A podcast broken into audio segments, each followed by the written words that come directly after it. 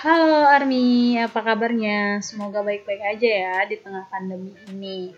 Nah, di episode 1 kali ini aku bakalan cerita nih tentang pertanyaan yang sering banget aku dapet dari teman-teman, circle-circle aku, yaitu kayak kenapa sih jadi ARMY atau ya lo kenapa sih suka BTS atau kayak banyak boy group tuh di Korea tapi kenapa BTS sih? Itu tuh sederetan pertanyaan yang sering banget aku temuin. Dan biasanya kalau aku mau jawab pertanyaan itu bakalan panjang banget. Makanya di episode kali ini aku mau share aja kenapa sih harus BTS kenapa BTS gitu. Aku yakin nih kalian yang sekarang jadi ARMY pasti punya kisah tersendiri atau alasan tersendiri kenapa kalian memilih BTS.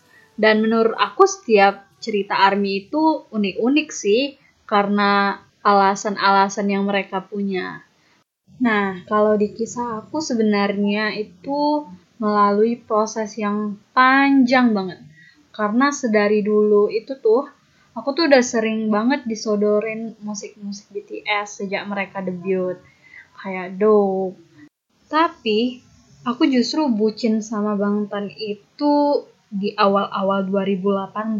Padahal kalau dipikir-pikir dari 2016 itu aku udah lumayan dapat exposure. Beberapa alasan kenapa aku gak langsung jadi army atau kayak jadi bucinnya Bang Tan ada dua alasan sih. Yang pertama, mungkin kadang aku merasa susah relevan gitu dengan genre-genre musiknya Bang Tan yang most likely itu hip hop jadi aku kurang menikmati sih kayaknya.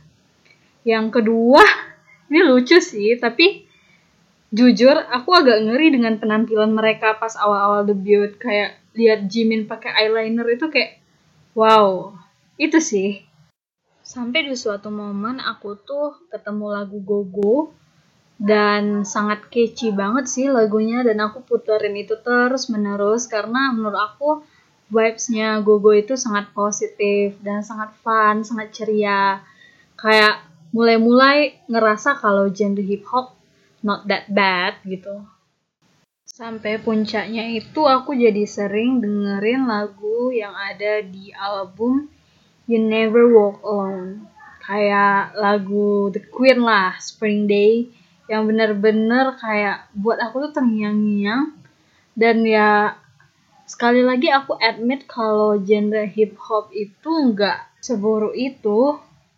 Dan seperti biasa kalau aku dengar lagu itu biasanya aku juga lihat liriknya. Tapi kan karena ini bahasa Korea jadi aku harus kayak lebihin waktu untuk mempelajari dan memahami lirik-lirik lagu Bangtan. Jadi dari perjalanan itulah aku ngerasa kayak terkesima. Kayak lirik-lirik lagu, pesan yang mau disampaikan BTS itu gila sih, parah, keren banget. Akhirnya aku luluh juga dan officially jadi ARMY setelah Bang Tan uh, comeback Love Yourself. Di album Love Yourself lah aku ngerasa kayak relevan banget, baik dari segi genre musiknya, lirik lagu, pesan-pesan yang mau disampaikan, campaign BTS tentang Love Yourself. Kayak bener-bener ngena banget ke aku.